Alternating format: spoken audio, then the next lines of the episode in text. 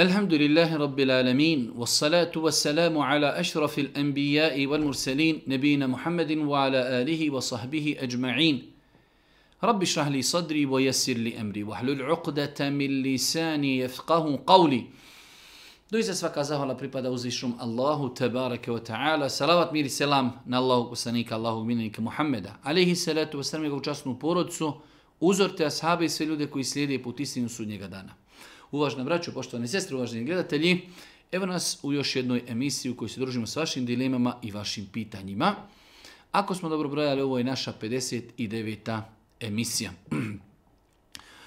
E, nakon ove emisije, ako Bog da, mi ćemo nekoliko sedmica napraviti pauzu iz određenih tehničkih razloga i naših obaveza. Ako Bog da, početkom mjeseca augusta mi se ponovo vraćamo na ove emisije i ako Bog da, od tada ćemo ponovo početi primati nova pitanja.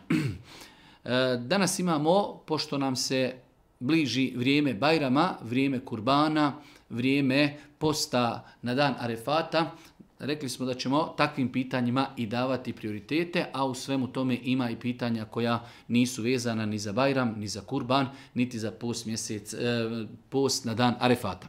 Prvo pitanje, koliko osoba može učestvovati u klanju jedne krave za kurban. E, tačno je i ispravno ono što potvrđuju vjerodostojni hadisi da je to bila praksa ashaba i Božih poslanika ali se letu selam da su klali jednu devu i jednu kravu za sedam osoba. Znači, e, dozvoljeno je i nema smetnji. Osoba koja želi da kolje kurban, može zaklati kurban ovcu, ovna, ili može zaklati znači kravu, a da sedam različitih osoba, sedam porodica učestvuje, učestvuje u klanju te krave i znači svako od njih dobije jednu sedminu. Vjerodostojni argumenti potvrđuju da je to bila praksa znači ashaba Božnjeg poslanika alihi salatu wasalam. E, do kada se može klati kurban. Do kada se može vremenski klati kurban. U pogledu pitanja do kada se može klati kurban vremenski, islamski učenjaci imaju dva različita stava. E, dio učenjaka je smatrao da se kurban može klati tri dana, znači prvi dan Bajrama i još dva dodatna dana. Allah najbolje zna, Allah najbolje zna, ispravno je da se kurban može klati četiri dana, znači imamo prvi dan Bajrama i još tri dodatna dana, znači treći dan zalaskom sunca, kada završi, znači zalaskom sunca trećeg dana, pa, odnosno četiri dan Bajrama, ali treći dan nakon prvog dana Bajrama, e, prestaje mogućnost klanja kurbana. Znači osobe koje imaju potrebu jednostavno ne mogu da stignu da kolju prvi dan, drugi dan, treći dan, mogu sve da to radi, da zakolju kurban e, četvrtog dana Bajrama do zalaska sunca. Bitno je znači da se zakolje kurban prije zalaska sunca. Svakako da je sunnet, da je najljepši i najbolji da se zakolje prvi dan kada se ljudi vrate sa bajram namaza, da tada počnu klati svoje kurbane, ali jednostavno nekada ljudi imaju obaveza, nekada imaju e, ljudi koji su... E, zadužen za određen velik broj životinja koje moraju zaklati, tako da e, u pogledu ovih olakšica, znači e, njima je to mnogo bitno da znaju do kada se mogu klati kurbani, znači četiri dana se kurbani mogu klati prvi dan, drugi dan, treći dan i četvrti dan prije znači zalaska sunca, kada zađi sunce, samim tim je završeno vrijeme mogućnosti klanja kurbana. Ako je čovjek svake godine klao kurban, a ovaj put nije u mogućnosti. Da li bratu mogu pozajmiti novac da to obavi? Znači, čovjek je godinama klao kurban i ove godine nije u mogućnosti. Da li mu neko može pozajmiti novac pa da on zakolje kurban? Svakako da može. E, imamo ovdje e, dvije stvari koje treba napomenuti. Prva stvar, greška je smatrati da ako insan jednu, dvije, tri godine kolje kurban, da nakon toga uvijek mora klati. Kurban je vezan za našu mogućnost. Pa jedne godine čovjek može biti u mogućnosti, druge godine nije u mogućnosti. Sljedeće godine možda opet može biti u mogućnosti i tako dalje. One godine kada nastupi Bajram i čovjek u mogućnosti, on će krati kurban.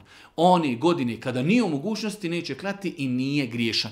Znači kod nas, kod naroda, e, dio e, ljudi ne želi da počne krati kurban, kaže ako počnem klati, ja moram klati do kraja života, što nije ispravno. Ispravno je e, koljemo kurban onda kada smo imućni. To je prva stvar. Druga stvar, osoba kao što se kaže, čovjek je klao godinama kurban, ove godine ne može. Njemu nije obaveza da kolje kurban. Sljedeće godine, inša Allah, molimo Allah da mu olakša i da nastavi klati kurban.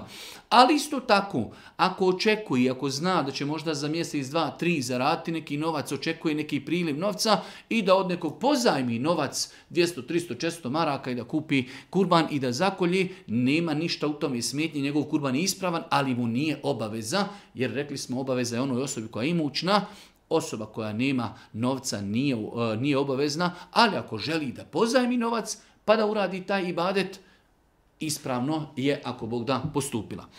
E, sljedeće pitanje.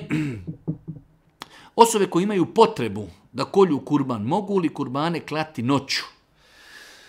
E, dio učenjaka islamski smatrao je da je noću pokuđeno klati kurban, ali je ispravno, inšala bizna, da nema ništa sporno u tome. Pogotovo opet se vraćamo na pitanje ljudi koji treba da zakolju e, velik broj životinja. Znači imate organizacija, privatnika, ljudi, ovčara i tako dalje koji trebaju da zakolju stotinu, dvijesto, tristo ovaca. Jednostavno e, takvim osobama je dodatno vrijeme ako mogu i naveći da kolju. Pogotovo da današnje vrijeme kada imamo mogućnost dobre rasvjete, reflektora i tako dalje, tako da ne postoji dokaz jak, vjerodostojan, jasan koji zabranjuje da se noću kolju kurbani.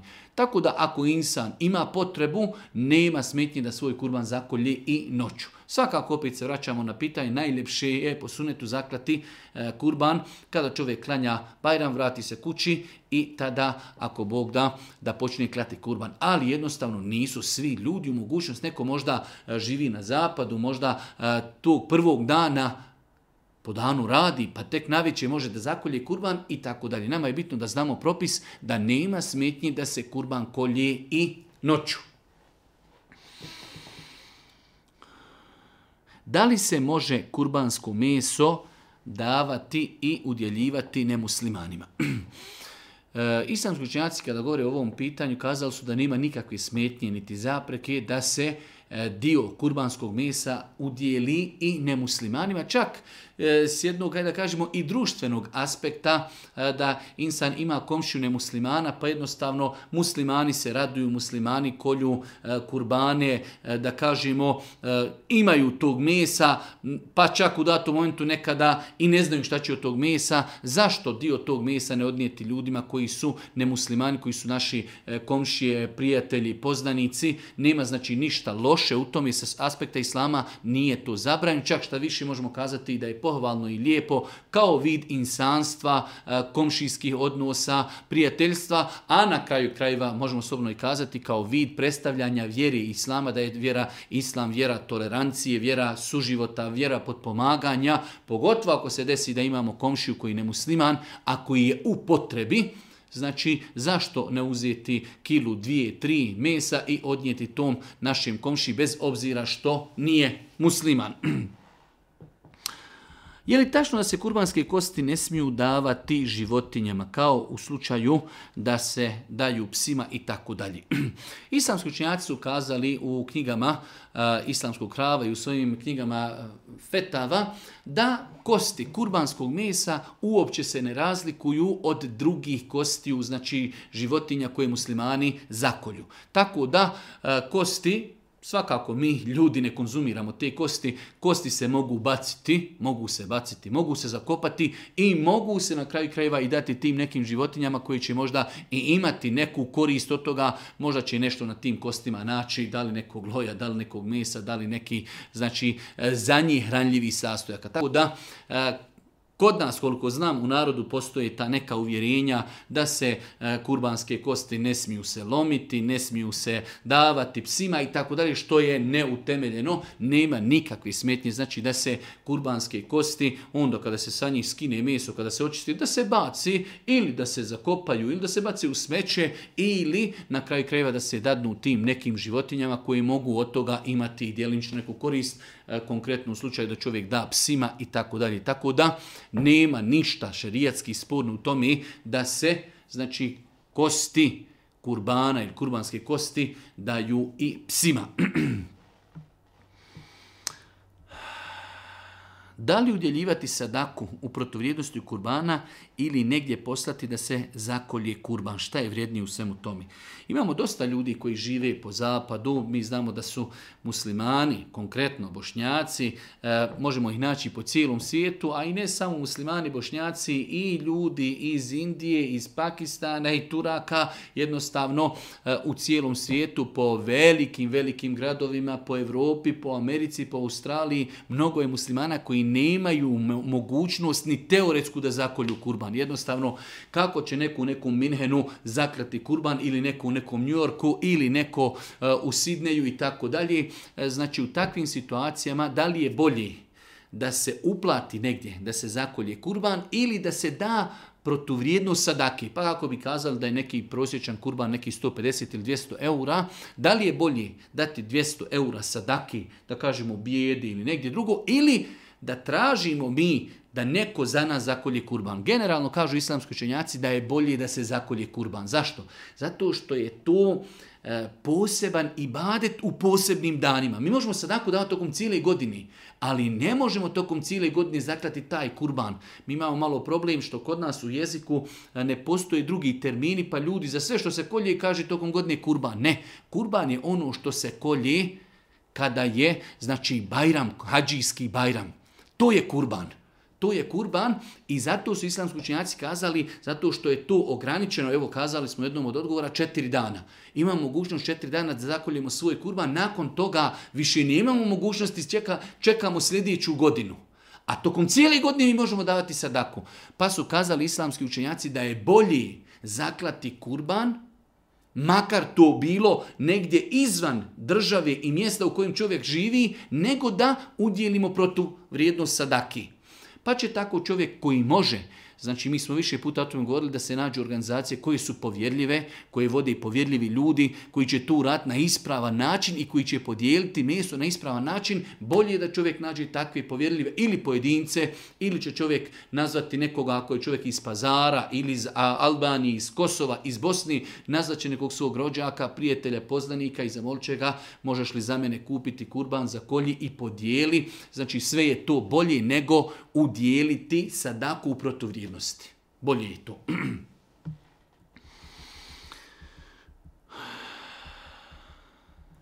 Može li se za kurban zaklati krava koja nije napunila dvije godine, a velika je i krupna je?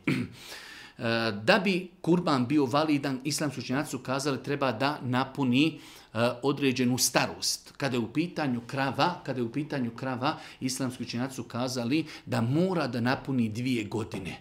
Čak je bio dio učenjaka koji su kazali i da krava treba da napuni tri godine da bi e, bila kurban, ali je tačno mišljenje e, džumhura islamskih učenjaka koji su kazali da krava, da bi mogla biti validna za kurban, treba da napuni dvije godine. Pa znači ako bi imali kravu koja ima godinu i pol, ali krupna je možda i teška mesom, e, čak i više neko nega druga koja ima dvije godine, može li ona biti kurban? Ne može. Ovca je u izuzetku, znači u osnovi i ovcu treba zaklati koja je napunila godinu dana, ali su došli vjerodostojni hadisi da je Allah poslanik ali salatu wasalam dozvolio ashabima još za njegovog vremena da se znači za kurban zakolje janje koje je stario od šest mjeseci. Tako da, kada u pitanju ovca imamo izuzetak, u osnovi je propis da se kolje ovca koja ima godinu dana. Ali su došli rodostojni diz da je Boži poslanik dozvolio da se kolje ovca koja ima šest mjeseci i više. Kada je u pitanju krava, propis ostaje, znači u osnovi ne može se e, klati za kurban osim krava koja ima dvije godine pa više dvije godine pa više, bez obzira. Možete se da imamo kravu koja je, e, ima godinu i po i krupna je, možda mnogo krupnija nego neka druga koja ima dvije godine, ali znači to što je ona krupna ne znači da može da bude kurban i ovo je jedno pitanje na koje treba obratiti pažnju. Znači kada ljudi kolje, kolju kravu za kurban, onda ta krava mora da je napunila dvije godine. Da li je validan kurban ako se nakon klanja ustanovi da je krava ili ovca bila steuna ili sjajna?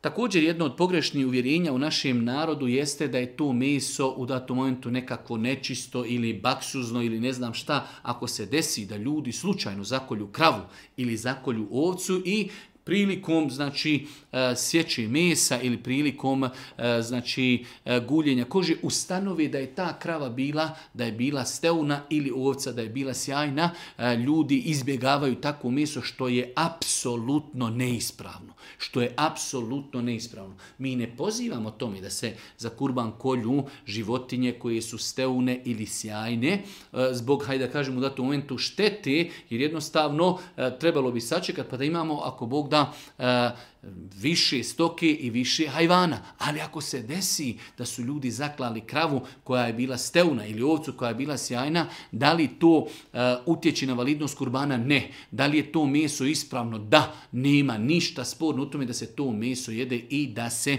konzumira. Čak šta više, učinjaci su kazali ako je taj plod, znači to ako je krava u pitanju tele, ako je ono bilo oživjelo, u utrobi svoje majke, oživjelo, vrtilo se, pa kada su ljudi zaklali kravu, vidjeli su da u njenoj utrobi ima, znači, mladunče, kaže su vjerodostojnima Adisma da Allah poslanik ali se selam kazao klanje majke, klanje, e, znači, te ženke je i klanje tog teleta. Pa kažu islamski učenjaci, ako bi ljudi kada otvori stomak kravi, ako bi našli to tele živo, obaveza da ga zakolju i tada je halal jesti. Ali ako oni otvore stomak i nađu da je tele koje je već bilo živjelo utrobi majke svoje, ako vidje da je već e, ispustilo dušu, i to meso je dozvoljeno jesti. Jasnim hadisima Allahog poslanika gdje je kazao, znači klanje ženke je, kaže, ujedno i klanje klanje onoga što je u njenoj utrobi, ali rekli smo pod uvjetom da je taj plod bio oživio. Da je taj plod oživio, tako da vratimo se na ovaj naš odgovor. Ako se desi da ljudi e, nakon što zakolju kurban kravu ili ovcu, svati i vide i ustanovi da je to bila steuna ili sjajna ovca ili steuna krava, e, kurban je apsolutno validan i to meso je čisto, e, ispravno za konzumiranje, pa čak smo rekli i sam taj plod ako je već bio oživio, ako ga nađu da je već umro, mogu ga tako konzumirati, ako ga nađu da je živ, onda ga mogu zaklati i konzumirati. Mnogo pitanja nam je došlo, da li zato što je ovo sada kurban jednostavno pada ljeti i ljudi e, dolaze mnogo na odmore gdje ljudi pitaju da li se na dane kurban bajrama može klati akika nema smetnje, znači čak šta više, hajde da kažemo, to su dani radosti, a i sama akika je jedan vid radost, tako da nema smetnje prvi dan, drugi dan, treći dan, četvrti dan ili bilo kada u drugim danima veselja, nema smetnje da roditelji koji nisu zaklali svome djetetu akiku, da to uradi, da to uradi u danima Bajrama. S tim što treba pojasniti da većina islamskih učenjaka je smatrala da akika i kurba ne može biti jedna životinja. Pa primjer radi čovjek koji hoće da zakolje svome djetetu akiku, muško ili žensko, e, treba da zakolje jednu ovcu za kurban, a drugu ovcu da zakolje za akiku. Ne može jednom ovcom izmiriti dvije obaveze. Da kaže, evo zaklaću ovcu i ova ovca mi je i kurban i akika. Ne može. Znači, ili će reći ova ovca je akika, ili će kazati ova ovca je kurban. Ili ako je imućan, onda će zaklati jednu ovcu da bude za kurban, a drugu ovcu će zaklati za akiku. S tim što pitanje generalno može li se akika zaklati u danima Bajram, dana Bajrama može i tekako nema ništa sporno u tome. Pitanje Kaže, pouzdano se zna da neke humanitarne organizacije zbog velikog broja kurbana počinju klati kurbane prije Bajrama. Je li to validno? E, bez obzira o kolikom broju kurbana se radilo, nije validno početi klati kurbane e, prije, prije klanjanja Bajram namaza. Boži poslanik ali se selam e, jedne prilike kada je krenuo na Bajram vidio je već da su neki ashabi da su već neki ashabi zaklali svoje kurbane pa im Allah poslanik naredio da ponovo zakolju druge kurbane i kazao im je to nisu kurbani to je obično obično da kajemo, klasično meso tako da znači, bez obzira, e, svaka humanitarna organizacija ili pojedinci koji radi kurbane treba da uzmu e, kurbana u emanet onoliko koliko mogu završiti za četiri dana. Mi smo rekli da se četiri dana mogu klati kurbani. E, prvi dan od klanjanja Bajram namaza počinje vrijeme, pa prvi dan, drugi dan, treći dan i četvrti dan do zalaska sunca, pa čak i na se može klati. Šta mogu urati u ta četiri dana, nek toliko uzmu kurbana, ali e, uzeti, ne znam, hiljadu, dvije, pijesto, manje ili više kurbana, pa znamo da nećemo za četiri dana moći to sve završiti, pa početi dan, dva, tri ranije klati, a znam za slučajeve da postoje određene, e, da kažemo, organizacije koje počinju dan, dva, tri ranije, samo kako bi to sve mogli ispoštovati je neispravno. Životinja koja se zakolje prije klanjanja, bajram namaza nije kurban. To je klasično standardno meso, halal ga inšala jesti, ali nije kurban. Tako da e, insan treba da pazi. Zato dosta puta smo govorili i kada ljudi uplaćuju kurbane, preko organizacije ili preko pojedinaca treba da pazi da to budu organizacije koje vode šerijetski učeni ljudi ili pojedinci koji znaju propise, ne može se početi s klanjem kurbana osim nakon što se klanja Bajram namaz.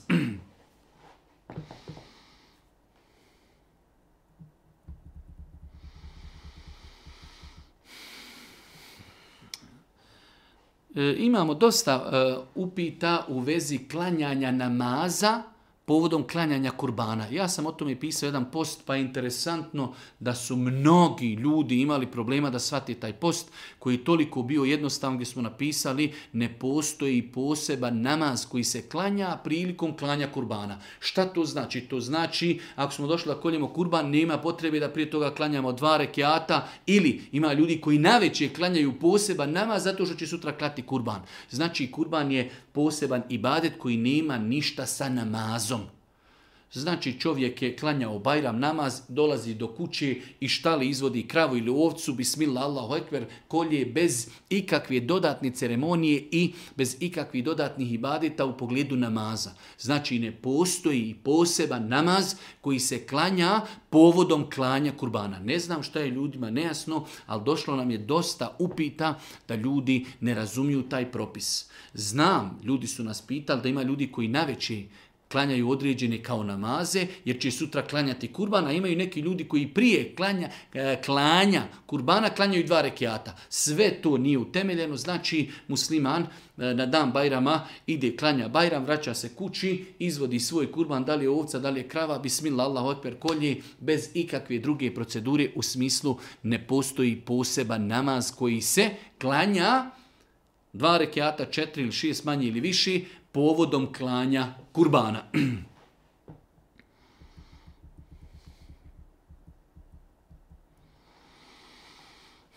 E sad već nakon toga nam dolazi određena pitanja koja nisu više vezana za kurba, iako će možda biti još nekih pitanja. Možete li da nas eh, nasavjetujete kako da postupimo u situaciji moje komšije koji su muslimani, kao i mi, alhamdulillah, rasipaju zajedničku vodu, seoski vodovod. Koriste je za zaljevanje plastenika i cvijeća, a mi često ljetu snijam vode ni za abdest, ni za napiti se.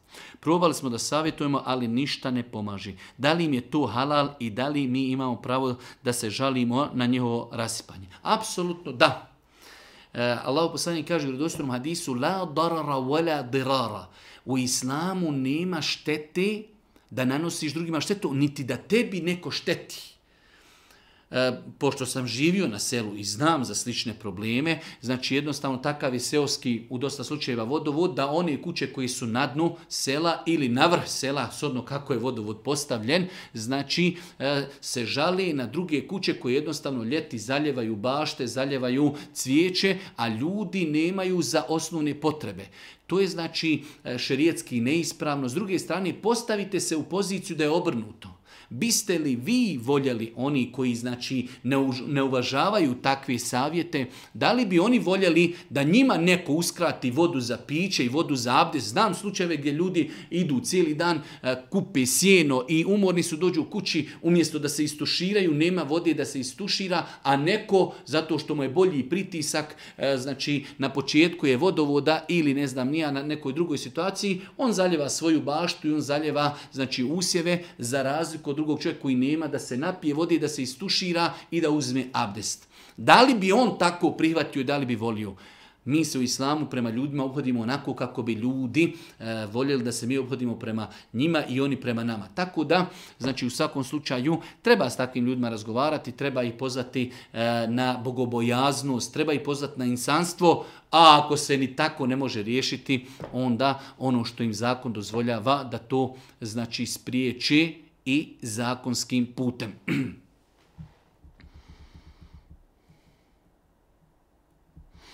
E, pitanje, živim na zapadu, je hamdla, počeo sam duže vrijeme da prakticiram namaz, međutim radim na građevini od toliko do toliko, izostavljam namaze jer mislim da nije čista odjeća u kojoj klanjam zato što je isprljana znači e, tokom posla na baušteli. E, nije ispravno da odjeća koju isprljamo na baušteli tokom rada od cement ili zemlju ili nešto drugo, piljevinu ili, ili, ili, da je to nečisto.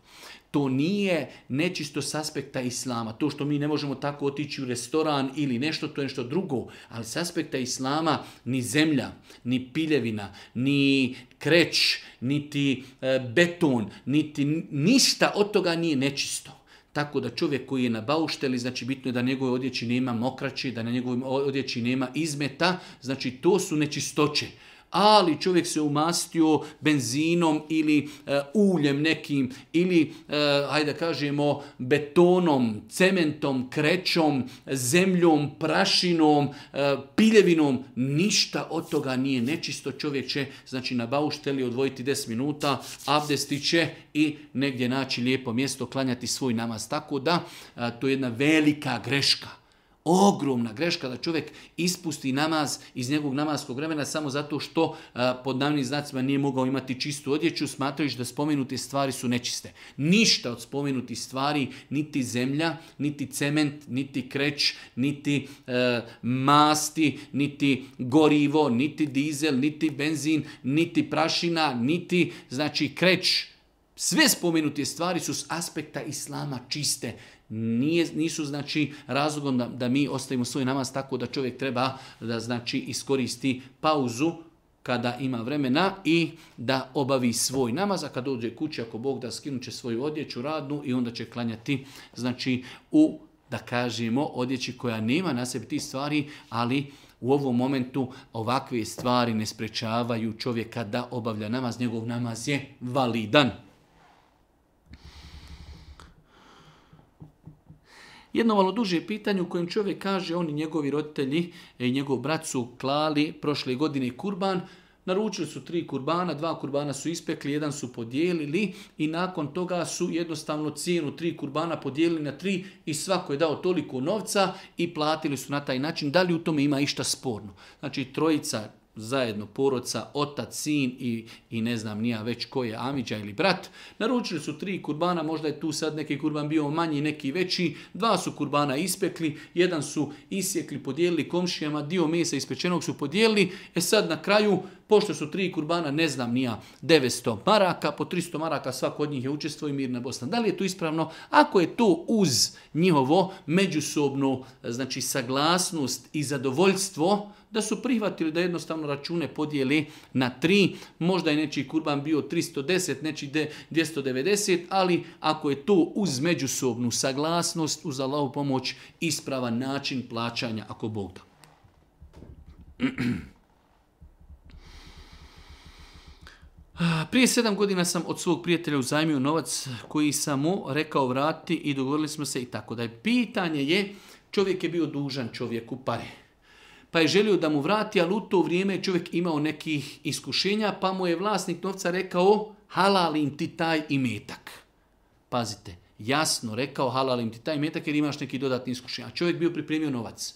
Nakon toga situacija se desila da su se oni nešto poljutili jedan na drugog i čovjek dolazi i kaže, eh vidi, ono što sam ti ja halalio želim ponovo da mi vratiš. Da li ima šerijetsko pravo da traži? Nema. Čovjek, znači u islamu postoji jedno veliko šerijetsko pravilo, a to je e, koje kaže e, esakitu la ja'ud. Kada nešto ti dobrovoljno daš, kada se nečeg odrekneš, završena stvar.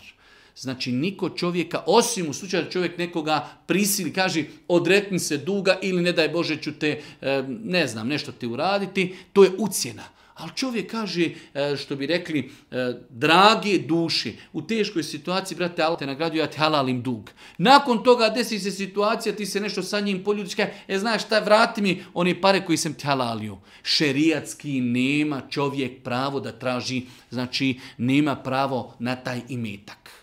Niko te nije tjerao da se odrekneš svog prava. Ali onog momenta kada si se ti odrekao, ti si to poklonio. Čak Boži poslanik Ali Selatu selam tako je strogo zabranio da čovjek traži nazad nešto što je poklonio. To je uporedio sa psom, hadisi u Buhari muslimu, koji nešto povrati, pa onda to počne ponovo lizati i jesti. Znači, Boži poslanik uporedio je osobu koja nešto je dala na poklon. Nakon toga traži taj poklon nazad, uporedio ga Boži poslanik sa psom koji povrati nešto iz svog stomaka i onda nakon toga ponovo ode i to jede što je povratio. Tako da čovjek koji se odrekao dobrovoljno, bez pritiska, odrekao se svog imetka, nekom je halalio dug, nema više pravo šerijetski da to traži. I ako bi tražio osoba od koje to traži, nije obaveza s aspekta islama da mu to izmiri.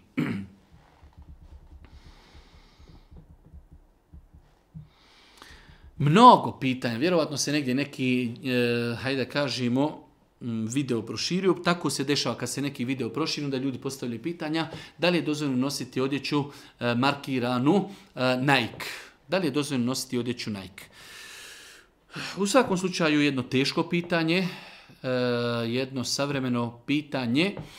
E, ono što sam ja čuo i što mi se svidjelo, o, znači ogromna većina učenjaka savremenog doba je zabranila da se nosi odjeća e, na kojoj ima znači znak Nike, odnosno ime Nike, da piše. E, dio učenjaka je dozvolio da se nosi nešto što ne uzdiže i ne afirmiši taj znači taj brend kao da se nosi patike. Zato što su kazali e, nositi patike kao vid, nije vid uzdizanja, već je vid hajde da reknimo je ovako u žargonu, omalovažavanje, ti to nosiš na svojim nogama i ti to gaziš. Pa je dio znači učenjaka smatrao da nema smetnji da se nosi ta marka Nike kada su u pitanju, kada su u pitanju patike. E, generalno, e, definitivno ako već neko i želi, kaže ja bi to želio zbog kvaliteti, onda ne vidim u tome ništa loše da se to kupi i da se sam znak, znači gdje piši, da se jednostavno e, uzme dio, da li će se uzeti dio znači nekog platna pa da se proštopa i da se to ne vidi, ako već neko želi da to nosi zbog kvalitete. Ljudi kažu da je to kvalitetno, da je brendirano, da je dobro pa znači e, po meni to je neki izlaz. Ili da čovjek nosi patike i da ne nosi znači e, majice na kojima piše Nike, e, zato što je to kako su eto spomenuli ime nekog grčkog božanstva i samim tim nošenje te odjeće je kao odobravanje toga, iako u datom momentu imalo bi se o tome možda mnogo toga kazati, ali ako bi prihvatili svu tu činjenicu, onda jedno od rješenja jeste da čovjek ako već ima takvu odjeću, želi da je nosi,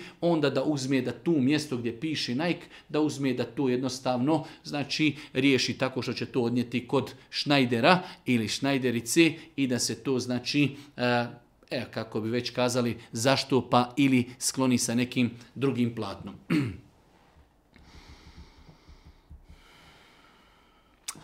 U braku sam pet godina. Moj muž ne želi nikako da razgovaramo o problemima, to me jako muči. Počeo je ići u teretanu gdje idu i žene. Ja sam trudna i meni to jako smeta da ide gdje se druge žene natežu i rastežu pred njegovim očima. Kakav je propis? Prva stvar greška je živjeti život u kojem imamo problema, a ne razgovaramo. Znači, e, jedan od najvećih problema u braku jeste da supružnici ne razgovaraju o problemima.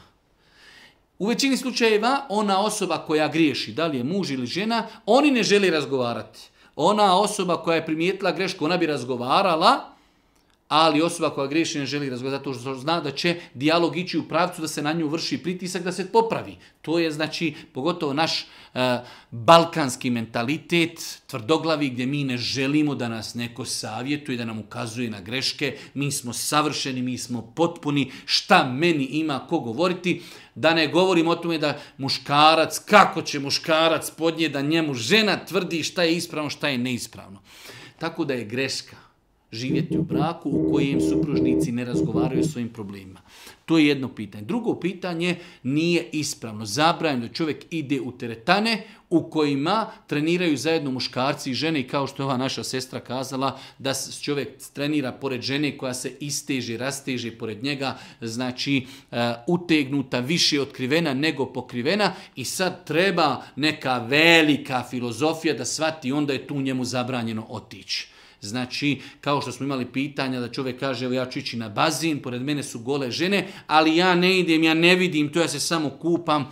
Znači, Allah Žešanu kaže, zina, nemojte se približavati bludu, naređeno nam je obaranje pogleda, zabranjeno miješanje muškaraca i žena na takvim mjestima, tako da muslimanu, vjerniku minimalno ne doliči da ide na takva mjesta, zbog, zbog svih tih stvari koje su nabrojane.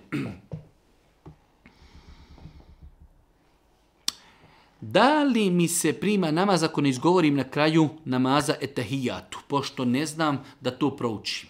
Pitanje znači da li je obaveza proučiti etahijatu? Da, proučiti etahijatu je obaveza.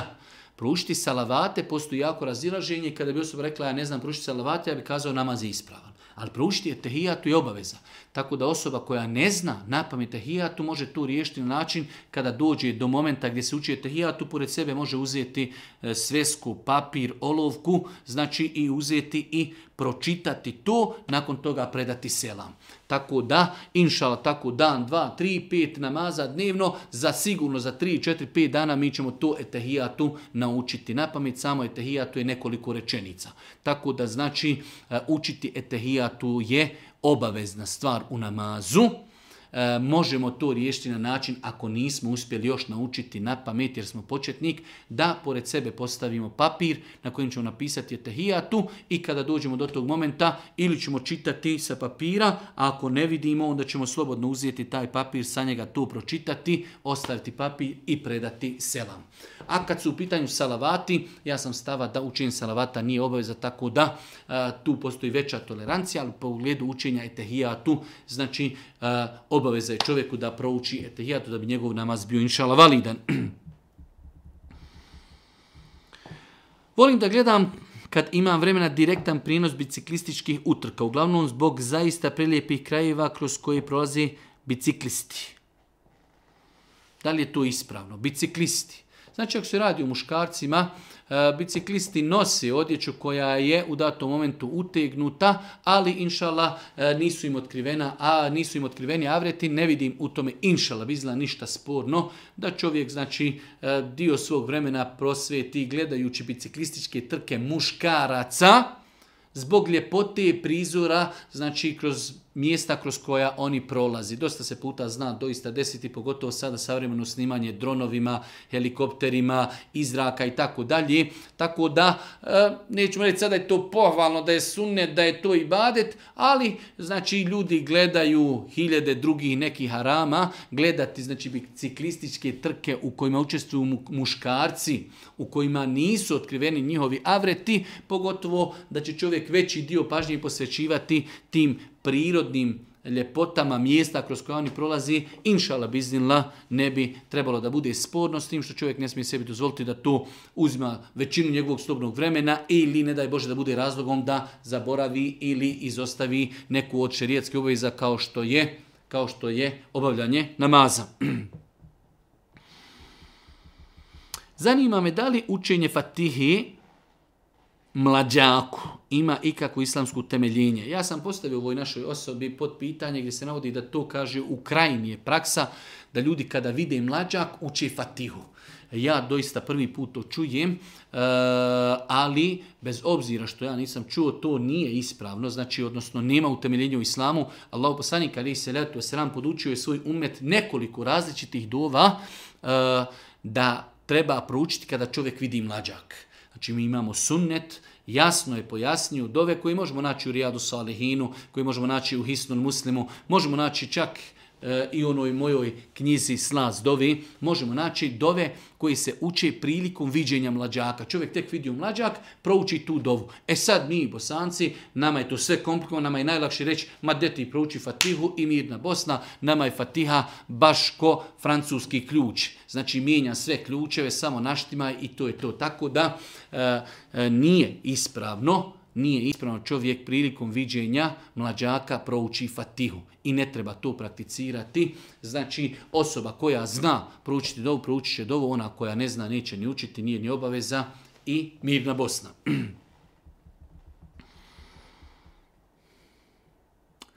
Jedno opet duže pitanje, e, poručni problemi, sad da ne čitamo početak, kako ne bi se možda i znalo o kome se radi, ali u svakom slučaju jedna sestra se žali na svoga muža e, kako je fizički izlostavlja pa kaže Inače je znao da bude nasilan i da digne ruku na mene. Međutim, posljednje vrijeme to je sve češći. Svako moje neslaganje sa njegovim mišljenjem smatra neposlušnošću. Moje e, promjene raspoloženja ne razumije, jako cijeni sebe, ali kada sam ja u pitanju to ne pokazuje, njegovo udaranje je pretežno šamaranje i udaranje šakama. Ja sam trudna četiri mjesec. Stalno ponavlja kako ima pravo da me prebije ako sam neposlušna. Imam dvije starije čirke koje su često svjedok tome i tako dalje. U svakom slučaju, e, ništa novo. Na zapadu ništa novo, to smo mi. E, najgore u svemu tome je što ova žena spomenula u početku da je to čovjek koji je šerijatski obrazovan čovjek šerijetski obrazovan, tuče ženu šakama i šamarima i u svemu tome kaže da je to ispravno šerijetski i da on ima pravo na to. Mi smo više puta govorili o tome e, i u svemu tome i još najgori od svega to da to radi pred svojom e, drugom djecom. E, mi smo govorili o tim situacijama ako već postoji potreba do te mjere žena da je nepokorna, kako se rješavaju u islamu ti problemi, pa smo kazali da prvo čovjek treba da savjetuje ženu. Nakon toga da se, da se e, znači od nje odvoju postelji, nakon toga tu dolaze ti neki odgojni udarci gdje su učenjaci kazali ne smije se udarati u lice i ne smije se udarati udarcem koji će ostaviti traga masnicu. To bi onda u sadašnjem vremenu bilo rečeno, e ovako, jer sve što je jače od ovoga ostavit će masnicu. Evo da čovjek kaže, pa ženo nemoj, brate, vidiš da više imam problema, toliko si nepokorna, moram te udariti, evo, moram te ovako udariti. Ništa više od toga. Ali prije toga mora biti savjetovanje, prije toga mora biti mora biti znači pokušaj da se to pitanje riješi tako što će čovjek se odvojiti od žene e, u postelji. Ovo sve u slučaju da je čovjek u pravu, žena kriva 100% i on je problem. A šta u slučaju kada čovjek nije u pravu? Žena u pravu, ali on zbog svoje tvrdoglavosti, svog balkanskog mentaliteta ne može shvatiti da je žena u pravu i on evo ima šerijetsko pravo da nju i šamara i da ih šakama istuči. Pa je haram zabranjeno da čovjek preskoči ove dvije odgojne mjere, da prvo prijeđe odmah na znači, udaranje. To je jedna stvar. Druga stvar, i rekli smo ako dođe do udaraca, onda to se re, rešava na način da ne smije se udarati po licu i ne smije se udarati udarcima koji ostavljaju traga na tijelu. Treća je stvar što to čovjek još radi pred svojom djecom, znači da e, o negativnim posljedicama i psihičkim i, i, i, islamskim i svakim drugim ne treba govoriti normalnoj osobi, tako da znači e, ne želimo uopšte da se stavljamo na nečiju stranu, da kažemo ko je kriv i ko nije kriv, da bi znali ko je kriv u ovakvim situacijama, morali bi saslušati to oba dvije strane. Ali da čovjek griješi u načinu rješavanja problema, apsolutno da. Znači, e, već ako je žena nepokorna mužu, onda se u islamu tako ne, e, znači, rješava nepokornost suprugi, da je čovjek savjetuje, nakon toga se odvoju u postelj, nakon toga i da pristupi odgojnim udarcima, izbjegavajući lice, izbjegavajući udarce koji će ostaviti traga na njenom tijelu.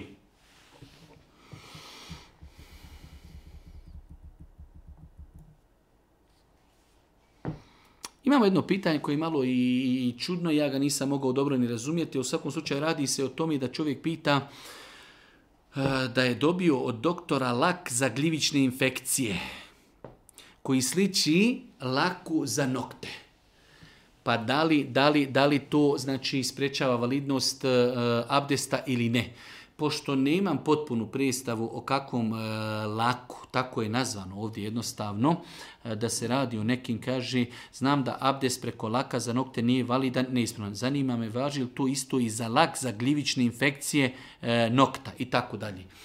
Ja bi u svakom slučaju ovdje preporučio da se znači uzme abdest, da se nakon toga stavi taj lak, ako to može, i nakon toga da se obuku čarape, znači i da se po čarapama u toku dana potiri, znači kako bi se, kako bi se znači izbjegao ovaj e, sporni moment, jer doista nemam predstavu o kakvom se laku radi, tako da ne mogu dati odgovor, ali ovo jedno od rješenja, znači da čovjek lijepo abdesti, posuši noge lijepo, očisti, e, uzme tretman tih lakova koji su potrebni i da obuče čarape da obuče čarape i nakon toga kada bude abdestio, ako Bog da da potire, da potire po čarapama, a ne da mora prati ponovo noge. Moj dedo ima 85 godina i kada ga šišam, on i moj babo traži od mene da mu mašinom za šišanje skratim i bradu. U svakom slučaju, nerijetko nam se dešava da ljudi postavljaju pitanja za koja mi ne možemo dati konkretan odgovor. Kao šta sad da ja uradim?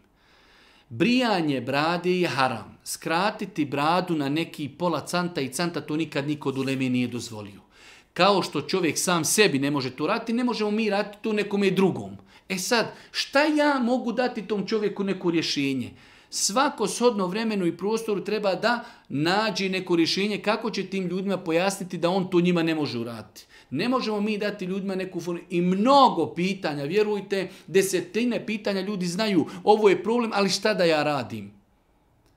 Propis je propis. Kako će to neko uraditi? Da li će neko poslušati? Da li neko neće? Kako će pojasniti? Nekim ljudima se može pojasniti, nekim ljudima ne može. Neki ljudi razumiju, neki ne razumiju znači e, zabranjeno čovjeku da nekome brije bradu i da brije sam sebi i da brije nekom drugom.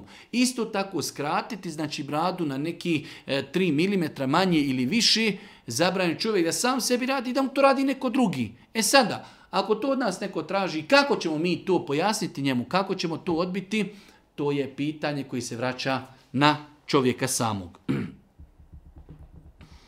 Da li je dozvoljeno imati akvarijum u kući? E, nema smetnje da čovjek u kući ima akvarijum u kojem će e, za kućne ljubimce imati ribice. S tim što, generalno gledajući islamski ženacu, su kazali ako čovjek uzima određene životinje za kućnim ljubimcem, onda treba da pazi e, na njihovu izranu, e, U ovom slučaju e, nikada to nisam imao, ali znači da se pazi na vodu, da se pazi na hranu, da ne daj Bože ne bi došlo do toga da ribice uginu ili ne znam šta se sve može desiti, ali ako insan već određenu životinju zarobi od kretanja, onda ju treba obezbijediti uvjete znači egzistencije. Ako su to u pitanju maca, ako je to u pitanju zijeka, onda ćemo obezbijediti vodu i hranu. Ako su to u pitanju ribice, onda ćemo obezbijediti e, znači ono što im je potrebno da bi mogle živjeti. Tako da, generalno gledajući, nema smetnji s aspekta islama da čovjek ima akvarijum u kojem će imati kućne ljubimce, ribice, ali samim tim on se onda obavezuje da će paziti na njih i ono što im je potrebno da živi. Lažno sam se zakljela svemogućim Allahom kako bi izašla iz određene situacije. Svjesna sam da je to grijeh. Kako da se iskupim za to? Lažno zaklinjanje je jedan od velikih grijeha. Allah poslanik Ali sam kada je govorio o velikim grijesima spomenuo je i lažno zaklinjanje. Znači lažno zaklinjanje je jedan od velikih i najvećih grijeha u islamu. E sada, kada čovjek se lažno zakune, šta treba da uradi? Većina islamskih učenjaka je kazala da ne postoji drugi iskup osim teuba, pokajanje. Čovjek pokaje i kaže ja rab, pogriješio sam, kajim se, neću to više nikada uraditi. To je znači po mišljenju džumhura. Dio učenjaka je kazao da čovjek u sve to će i iskupiti se kao da je prekršio zakljetvu, e, znači koja je ispravna zakljeta. Svi znamo kako se čovjek iskupljuje za prekršenu zakljetvu. Znači e, da odabere, da odabere da nahrani deset siromaha ili da ih odjene, da ih nahrani ili da ih odjeni. Ako ni jedno drugo ne može, onda će, onda će e, postiti tri dana. E, znači iako džumhur islamskih učenjaka je kazao e, iako džumhur islamskog učenjaka kazao da lažno zaklinjanje je toliko velik grijeh da za njega ne postoji iskup osim teube i pokajanja. Ali bio je dio učenjaka koji kazao e, uz teubu i pokajanje treba i iskupiti se kao da smo prekršili zakljetu. Znači kao što činimo prekrš, kada prekršimo zakljetu način kako se iskupljujemo, E, tako ćemo se iskupiti i za e, lažno zaklinjanje.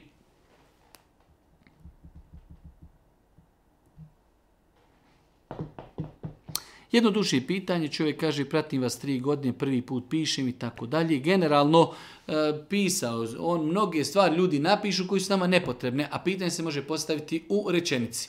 Pitanje je E, čovjek je ostavio mnoge loše navike, ostao mu je duhan, da li e, konzumiranje duhana uzrokuje da je njegov namaz neispravan. E, mi smatramo da je konzumiranje duhana e, zabranjeno, haram, zbog štete koja proizilazi po tijelo i zbog bacanja i metka i uznemiravanja ljudi u našem okruženju, ali sve to nije razlogom da naš namaz nije ispravan i validan. Tako da namaz, inšala ostaje ispravan, Svakako čovjek treba da se trudi, pokušava da ostavi i taj porok. Rekli smo prvo što to šteti čovjekom tijelu, e, s druge strane to je bacanje i metka, treća stvar štetimo i ugrožavamo zdravlje ljudi iz našeg okruženja. E, za sve ćemo to biti pitani, ali opet, opet to nije razlogom da kažemo da je namaz neispravan, namaz je ispravan, tako da ostaje da čovjek nastavi klanjati, ali da se trudi da ostavi taj porok.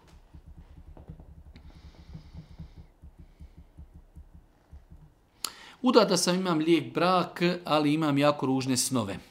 Redovno klanjam, učim Kur'an, kada stignem donosim salavate, čisto sanjam sihr, džine i tako dalje. Kako se toga riješiti? Generalno gledajući, e, loši snovi mogu, pazite, loši, mi inače imamo problem, dok nam neko nešto 1%, mi odmah taj 1% uzimamo.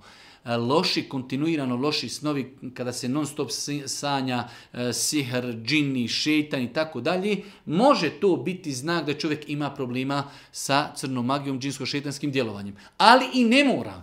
Ali i ne mora. Tako da, znači, u ovakvim situacijama čovjek nastavit će Učiti Kur'an, učiti znači dove, jutarnji zikr, večernji zikr, e, dova Allah te baraka zaštiti insana, a u svemu tome ako bude mogućnosti da negdje posjeti neku osobu koja validno, ispravno uči Kur'an rukom liječi, nema smetnje da ode na neku rukju. Sami snovi po sebi ne mora znači da čovjek ima problema sa džinima, znači ako čovjek normalno klanja, normalno uči Kur'an, nema nikakvih simptoma drugih, znači nema potrebe da ide, da ide da se liječi i da traži učenje ruke. Ali ako kontinuirano ima loše snove, i u svijetu ima još nekih simptoma, onda nastavit će učiti zikrove, učiti Kur'an, donositi salavate, učiti jutarnji večerni zikr, a u svemu tome i otići na dodatno liječenje, da ode kod povjerljive osobe koja liječi učenjem ruki. Znači ne treba odmah paničiti, mi imamo problem dok nešto odmah panika. Danas ja vjerujem da velika većina ljudi e, je umislila sebi da ima probleme sa džinima i šeitanima umisla, vjerujte da znam šta govorim, velika većina ljudi danas je umisla sebi da ima problema sa džinima i šetanima. Danas čovjek živimo brz život, težak život, pod pritiskom smo mediji, pa neko ko gleda i filmove i serije i svašta nešto, sve to utječe na nas da možemo imati i loše snove. Da ne govorimo o tome kako je ko odrastao, e, psiha, traume, djetinstvo, sve to može biti razlog da imamo loše snove, a da nemamo nikakvih problema sa džinima i šetanima. Zato sama konstatacija i činjenica da imamo loše snove ne znači da imamo problema sa sihrom.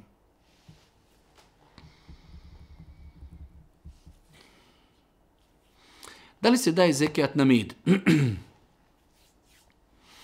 E, većina islamskih učenjaka smatrala je da se zekijat na med ne izdvaja.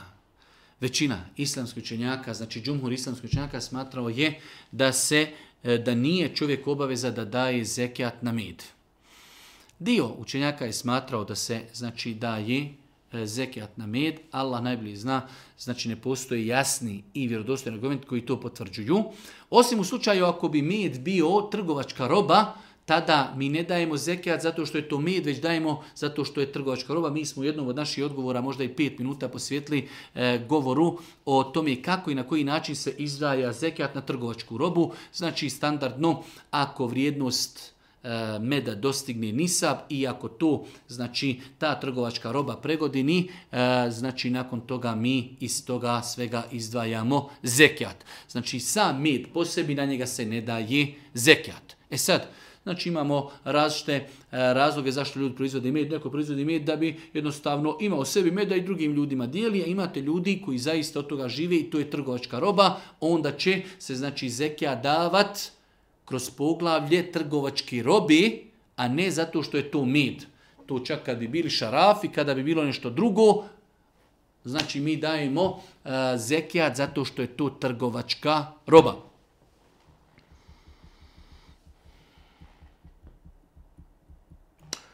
Imam dijete tri i godine, zaostaje malo za ostalom djecom što se tiče govora i još ponekih stvari. Još nisu dali doktor nikakvu dijalizu, ali sumnjaju na autizam. E,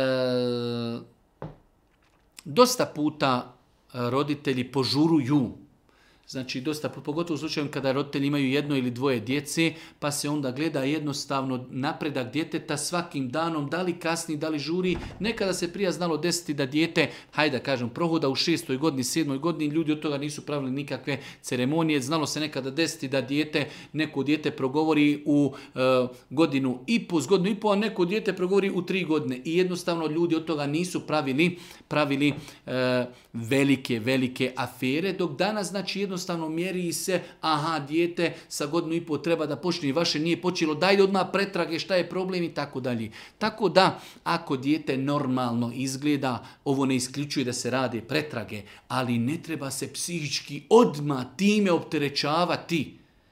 Ne treba se odmah time psihički opterećavati, pretrage u redu e, i ovdje na kraju je pitanje da li se djetetu može e, zbog takvih stvari proučiti rukija Može se i dijete odvesti na rukju, ali znači ne treba, rekli smo da se čovjek time mnogo opterećuje. Ako dijete u datom momentu malo kasni za djecu e, iz svoje generacije, znači ako je to kašnjenje pod neznacima tolerantno, kasni pola godine, pa kasni godinu dana, treba se konsultovati s doktorima, treba ići i na pretrage, ali ne treba odma da se paniči i ne treba odma da se od toga, znači, e, prave baš velike i krupne teme. E, odvesti i tako dijete od 3,5 godine do 4 godine nima smetnje da se odi, znači svakako da učači ruke znaju kako će e, dijete tu na jedan lakši i blađi način učiti rukju. Da li muž i žena mogu imati intimni kontakt, a da se nisu ni jedan od njih okupali poslije prvog intimnog kontakta? Pitanje je, znači čovjek i supruga su imali intimni kontakt, nakon toga želi da ponovi intimni kontakt, pitanje da li moraju se prvo okupati pa ponovo imati intimni kontakt, ne moraju. Mogu se okupati, mogu se okupati, pa čak možemo kazati da je lijepo da se okupaju, ali nije obaveza. Nije obaveza. Ono što isto lijepo jeste e, da je od da čovjek koji je imao intimni kontakt sa suprugom, prije nego što, ako želi ponovo da ima intimni kontakt, a još se nije okupao, da uzme abdest. Znači da uzme abdest kao da želi da obavi namaz, ali znači imamo tri kategorije i tri stepena. E, čovjek koji ima intimni kontakt sa ženom želi da ponovo ima intimni kontakt, E, jedan stepen je da čovjek se e, okupa. To je prvi stepen, ali nije obaveza. Drugi stepen je da uzme abdes samo. To je pohvalno i lijepo, na to ukazuje hadis Božih poslanika, ali to nije obaveza. I treća stvar je da čovjek znači ima jedan intimni kontakt, nakon toga želi ponovo da ima intimni kontakt, nije, znači nije uzeo ni gusul, ni, niti je uzeo abdest, nema smetnje znači da čovjek prije nego što se jednom okupa, znači ima više puta intimni kontakt. Znači bitno je da nakon svega toga uzme gusul i da može ako Bog da da bude čist i da klanja.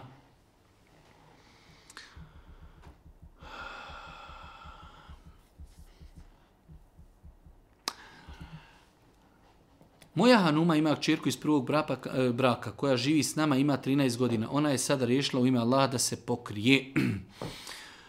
Pošto smo mi pod kirijom, nemamo puno soba, kako treba da se ona ponaša preda, pred čovjekom njeni majki.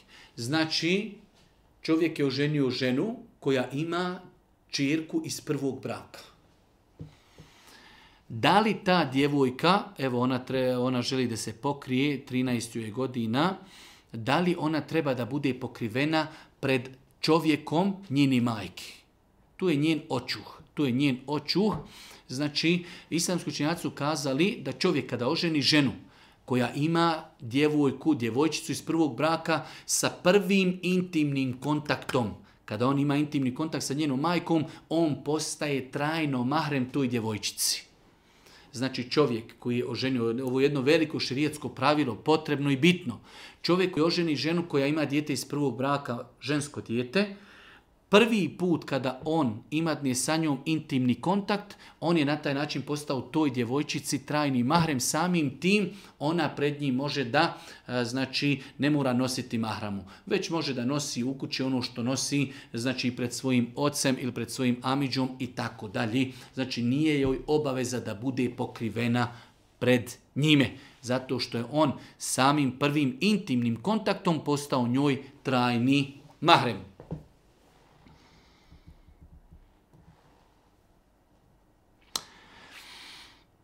Da li se treba novorođenčetu učiti ezan? Da li je obaveza i da li ima neki određen broj dana kada bebi treba to da uradimo? Da li smo okasnili pošto je beba rođena prije mjesec dana? E, znači u pogledu učenja ezana, na uho, desno uho novorođenčeta. Postoji e, znači stavovi islamskoj čenjaka. Nadamo se inšal da nije griješan insan koji to uradi, pošto postoje argumenti koji to potvrđuju. Tako da proučiti ezan kada se rodi beba na desno uho, inšala biznila, nije sporno. Nije sporno.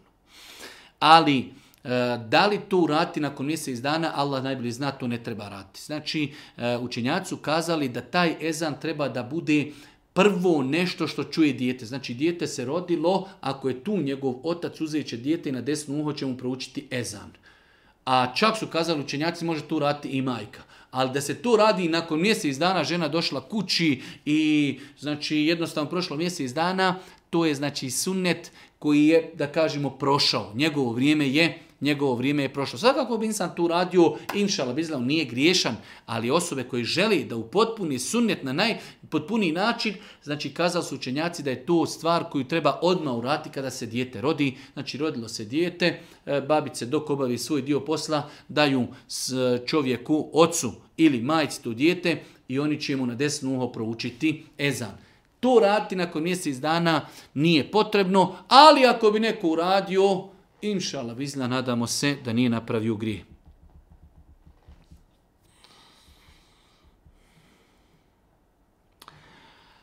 Mnogo puta nam dolaze pitanja da li se može akika zaklati nakon godinu, dvije, tri, nakon rođenja djeci, zato što ljudi u datom momentu nisu znali propis ili nisu imali mogućnost. Nema smetnje, znači e, da roditelji e, zakolju naknadno akiku. Može se desiti da čovjek e, nakon pet godina postane imućan pa zakolje akiku za svoje dijete, nakon tri godine, nakon pet, nakon sedam, nakon godinu i tako dalje. odsunete da se to zakolje sedmi dan. Ako čovjek nije uspio, nije bio materijalno u stanju ili jednostavno vremenski nije bio tu, bio je na putu ili, ili, ili različiti razlozi, onda će to uraditi onda kada bude imao mogućnost. Tako da mnogo, baš mnogo pitanja dolazi što ukazuje da ljudi, mašallah, svakim danom sve više se vraćaju islamu i praktikuju e, klanje akike. Ljudi postavljaju pitanja, e, znači može li se akika zaklati naknadno ko nije klanja, e, akiku sedmi dan? Može. Kada dijete napuni godinu, dvije, tri, četiri, pet, nema smetnja ako Bog da, da se i naknadno akika zakolji.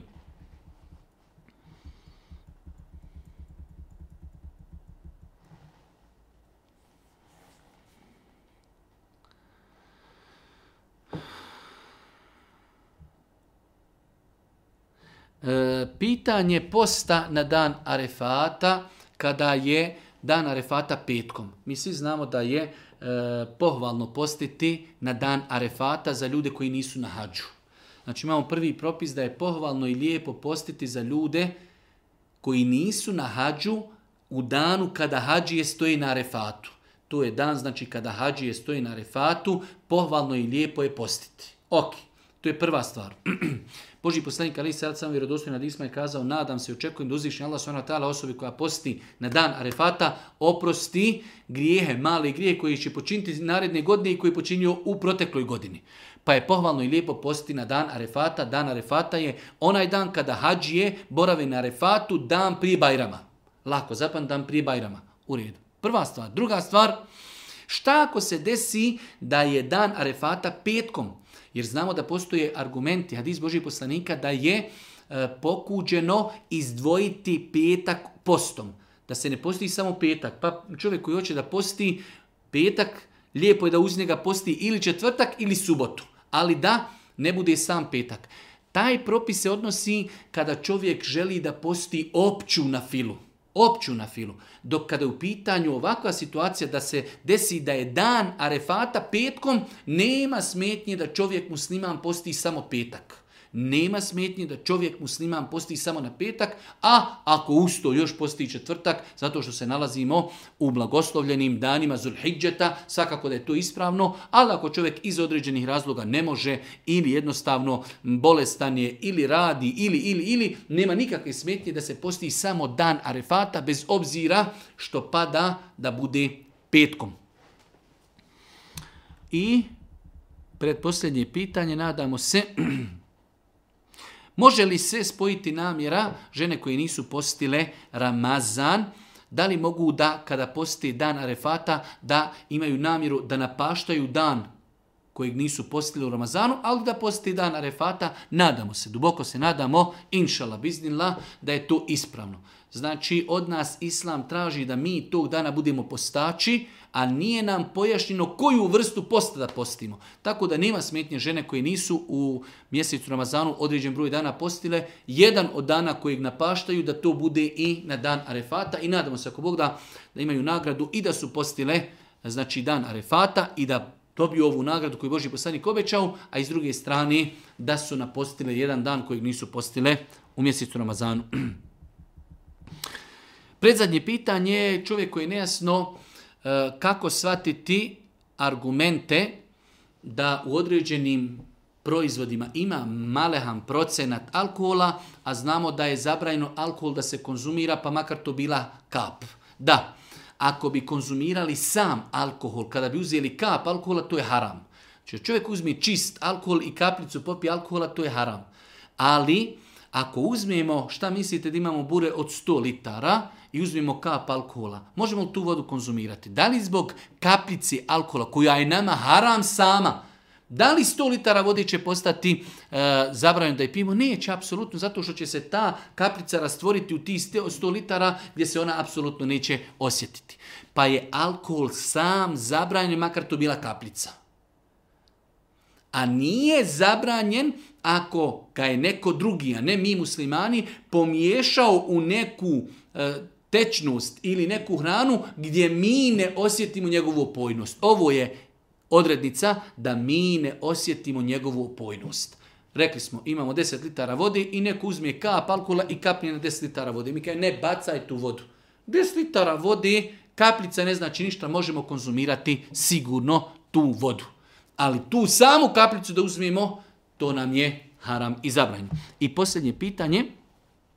Jedan učač mi je preporučio da na crveni konac naučim 40 puta etul kursi i 5 puta fatihu. I da to zavežem svome djetetu oko ruke zato što djete ima autizam. Je li to ispravno? Apsolutno neispravno znači vezivati crveni konac djetetu oko ruke je vid vješanja hamajlija talismana na dijete što je u islamu strogo zabranjeno. Strogo zabranjeno tako da znači e, bez obzira o kojem se učaču radi, bez obzira koja je ta osoba, naučiti znači na konac crveni nešto od Kur'ana i vezivati to na osobu je neispravno. Molimo Allah subhanahu wa da nas uči na putu istini, da nam podari korisno znanje i na kraju subhanike Allahumma bihamdike, ešhedu en la ilaha illa stakfiruke, ve etubu oh.